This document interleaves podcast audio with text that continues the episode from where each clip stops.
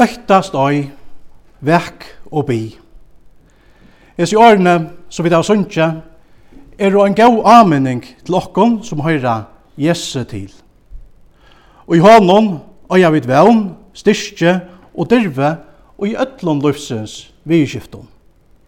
Det er som salmaskalte skriver, God er okkon vernd og verja, og en hjelp i trångton og i aldri svikur. Tøy øktas vi døy, om så gjøren ver omskift, om så fjellene ria og havdøype åman, om så hevaltan sjøar og brøytor og berge og i øttene skjelver. Herren er vi okkom, her skal han ha god, Jakobs god er var fasta borg. Etta minner ikkje sørst om praktiketeksten, her vi av var hørst Jesu alvarsomme år om endatøyina og om Jesu atterkomme.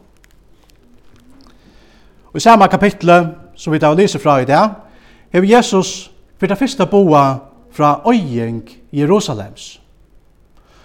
Om halvkjedommen, stoltløykan tja jødnon, sier Jesus, hekta som til suttja, tar deier skulle koma, da her ikkje skal lytja støyner etter av støyne, som ikkje skal vera riven nyer. Jesu år var oppfyllt og i år halvfjers etter Krist ta Jerusalem var lagt i øye av Ramverjon. Det var en stor vannlokka.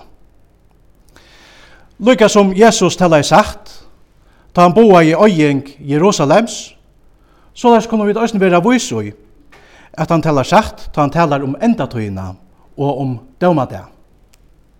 Det er ikke et eventyr, det er ikke en oppspunnen søva, men nekka som velja for at henta øyna fyr, og i hesson høyme. Åren Jesu atterkomo skulle det være ekvislig tekjen og i skapanarversen her vi lyse. Hesen som tidsjes det være så størst og avskakande, og som vi tøysene kan skal takka for i givet. Jesus talar om at det skulle være tekjen og i sol, mana og stjøtnen. Etter samme vi røysen stafest for jokken og i Matteus evangelien. Her Jesus sier, men brått at han har trongtene og i tøymon døvon, skal solen misna og mannen ikkje gjeva skinsutt, og stjørnar skulle falla nýr av himle, og skækkast skulle himmalsins krefter, sier Jesus. Ta hekta rekkar heimen og i endatøyne, vera heimsins tjauer rastloslitnar og roalesar. Og til røstene forsteilet. Mennesker skulle svøyma av økta og storan, Men mitt i öllun hesen roolaikan finst korsen i ett folk som kan tekka under vid salmaskalten og ta min åren som vi tar lise. God er okkon vernd og verja og en hjelp i trångton og i aldri svuikur. Tøy øktast vid døy. Om så gjøren ver omskift, om så fjellene ria og hautøyp i åman, om så hevaldan sjåar og brytor og berge og i øtnene skjelver. Herren er vi okkon, herskaren av god, Jakobsgod er var fasta borg. Medan himmelsens krefter skakast, er det korsene nekka som ikkje skakast, nemlig god og det som høyr hånden til, Guds rujtje, Guds år, Guds folk. God er okkon vernd og verja. God er var fasta borg, og tøy øktast vid oi. Som kunnot er vi nå kommet inn i adventstøyene, og hetta året, advent, eller advent, som man også sier, det merker koma. Og i adventstøyene hører vi om hvordan Jesus kommer til okken og på trutje matar. Han er langt kommet til okken i forstøyene, da han var født i Betlehem. Og i dag kommer han til okken, antelig er jo ikke noen gods år, og gjøknon døpen og gjøknon høyla og kveldmaltøyna. Og i enda tøyne kommer han atter i dård at døma bæge livande og deg, så er så vidt østene blir at jotta og jokra troa jotta. Det er særlig en tredje maten som vi er understrykavur fyrir jokkon her og i det. Hetta som østene vi er understryka fyrir jokkon og i nast sørsta verset og i biblio. Hetta er altså det som biblian enda vi. Her Jesus sier, og i oppenberingsene, ja, jeg kom i kjøtt, og sværa verur, Amen, kom Herre Jesus. Ja, Jesus han kjem i kjøtt. Men kom vi i sambandet vi Jesu kom og av hjertet sier, okkara Amen. Amen, kom Herre Jesus. Det er kanskje hese spurninger særlig som er lykke fyrir jokken her i dag. Lykka som Jesus kom til okkon i forstøyne, så lær vil han òsne koma til okkon i framtøyne. Og ta skulle de suttja menneskesonen av et lise, koma og skoi vi måtte og miklare dord. Jeg sier Jesus ser han ekv om seg sjálvan, da han sier hese i årene. Han løser seg jo som den samme personen som Daniel profetor profeterer om, og i sin nottarsjån Her vi leser i Daniels bok, kapittel 6. Og jeg fikk aftur av suttja i nottasjånen, og så i av skuttjon himmelsins. Kom øyn og luktist manna sine. Han narskaist honom i gammal vær, og var lagt fram fyrir han. Og honom var givet vald, og tegn, og rujtje. Honom skulle tjene allar tjauer av ötlun London og tungumalun. Vald hans er evigt vald. Og ikkje man vikast og rujtje hans kan aldri færast. Hetta rujtje færst, men hans rujtje skal aldri færast. Her verur høyte menneskesåneren brukt om ein himmelskan person, som kommer til kjentar av efsto døvun. Det er grøyt at Jesus kallar seg fyrir menneskesånen til at han samøyner seg sjálvan vi hentan himmelska og kongalia personen som vi leser om tja Daniel profete. Og ta Jesus kommer, kommer aftur, ta kommer han aftur bægi som kongur, kongana, og som dømare heimsins. Enda dagen verda grøyt, at heimsins menneskje og grunnene er døylt opp i tvær bølgar. For det første, de som ikke har samfella vi Jesus, og som tøy hava alla årsøk til at øktast, og stora for att möta honom som dømara og en dag. Og for det næsta, de som har samfella av Jesus, og som tog hava alla årsøk til å glede seg til å møta dere frelsere. Fyrir tei kristne innebär Jesu at koma frelse og fullkomna glede heima og i Guds rydtje. Vi hese er det at Jesus sier, som vi tar hørst i det, da i hekta for at henta ta lyti upp høver tikkara. Lyti upp og hevi upp høttun tikkara. Av at løsjen tikkara narskast, sier Jesus. Lukka som Jobb kunde sija, jeg veit at løsjenare min lever, så er kunne de som vi trunni hava liva og et faldarløyv saman vi Jesus, og sni gleda seg til å møte honom og en dagen, og døma deg. Da møte de jo løsjenare noen, som frelser og løye deg inn i Guds evige og fullkomna rydje, nekka som de kunne gleda seg til. Men de som ikke høyra Jesus til, møtte han heller ikke som løsnere da han kommer. Dævren kommer dottelig av deg, så vidt jeg hørst, som en fettla, som en snæra. For i hese innebär Jesu atterkomma evian døm, nekka som de vi røkton og gjett øktast og stora fire ta enden kjemur, og alt det som tidsist så avskakande skakast og forgongur, ta er det bare øyn som kan hjelpe okkon, nemlig Jesus.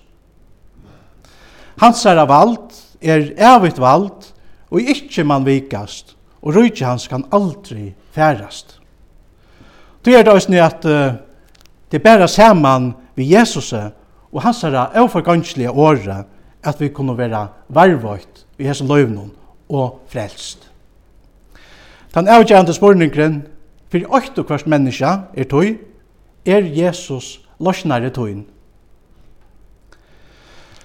Om Sverige er ja, så kommer vi til vevn og til vi hevje opp okra høver, kvenda og okra løyve. Okra løsn nærskast jo for kvenda som fyrir atter om bæk. Og ta kan man sannlega synkja, så er som vi akkurat av synkja, klokkans lær, tøyen fer, even endaleis fyri er, letum oss tøy nøyta hverja stund, herran og tæna av hjertans grund, så finna vegin vid høym. Hesen alvarsame teksteren, som vi tar fyrir okkon her i dag, setter okkon öllon hins hema spurningin. Erstu til røyjar, erstu til røyjar at møtta Jesus. Etter nekka som vi vil mynt av i jøkken og alla biblina. Amos profetor sier til dømes, bygg til til at møkta godetøynon Israel. Jeg sier årene jeg var òsne til tøyn og moin og atlan heimen. Vi må öll byggva okkon til at møkta okkara skapara. At møkta gode. Jesus han hevur gauar atlaner vi okkon tog er det som jeg sier vi Jakob, de kjente årene til Johannes i kapittel 14, og i færismens huset er det mennesker bosteger, vært ikke så, har jeg sagt det kun til. Det er, er færre borster av tilbyggva stedfyr i tikkun, og ta er færre borster og heve tilbyggva stedfyr i tikkun, kom jeg atter, sier Jesus. Og skal takka tikkun til mun, til tess at her som er er skulle tid øysene vera. Etta er sommare som Jesus talar om. Guds avja og fullkomna rujtje. Men er vi til røyjar, ta han kjemur.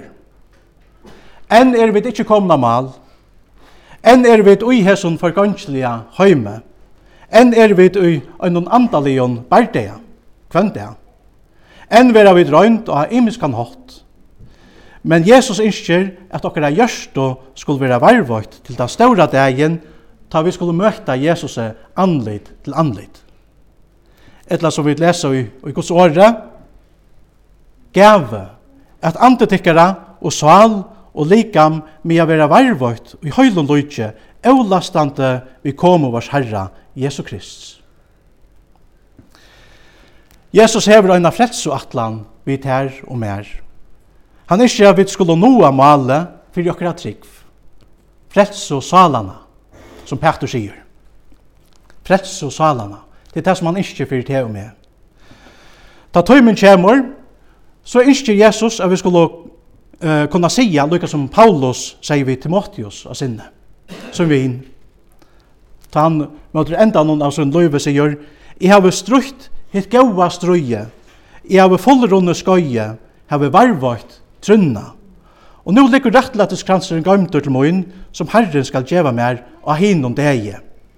Han, hin rettvise dømaren. Det er avmettalega størst å kunne kvila i hæsson, og å kunne sige hekta, ta enden narskast. Men for at noe av mal, må også vit tekka opp okkara kross dagliga og fylgja Jesus i etter dagliga. Øysene vit må struja hitt gaua struja. Øysene vit må fullrenna skoje. Øysene vit må varvøyta trunna. Og hette er Jesu vilje vi ötlån sunn bøtnum. Han vil jo hava at vi vi allar avir skulle være her som han er, sama vi honom. Og tog sier han òsne vi til og med og i det. Verkje tog, av hverje stund, og bygge, at de kunne Vi er føre for jeg komast undan ötlen hæsson og i henta skal, og a standast fyrir menneskesånden. A standast fyrir menneskesånden er det største undre som to og jeg i vår høver kunne oppleva, kunne standas fyrir Jesus. Og det færa vi døysen i at oppleva, så frakt som vi vera varvått til tandegjen. Hoksa der, at du ein dagin skal møtta Jesus. Hoksa der, at han ein dagen også skal gjeva tær ein rettlappis krans, en krono. Større under finst ikkje. Vekt tøy av hverje stund og bi. Klokkans lær, tøyen fer, even endaleis fyri er. Lært om oss tøy nøyta hverja stund, herran og tjena av hjertans grunn, så finna vegin vid heim.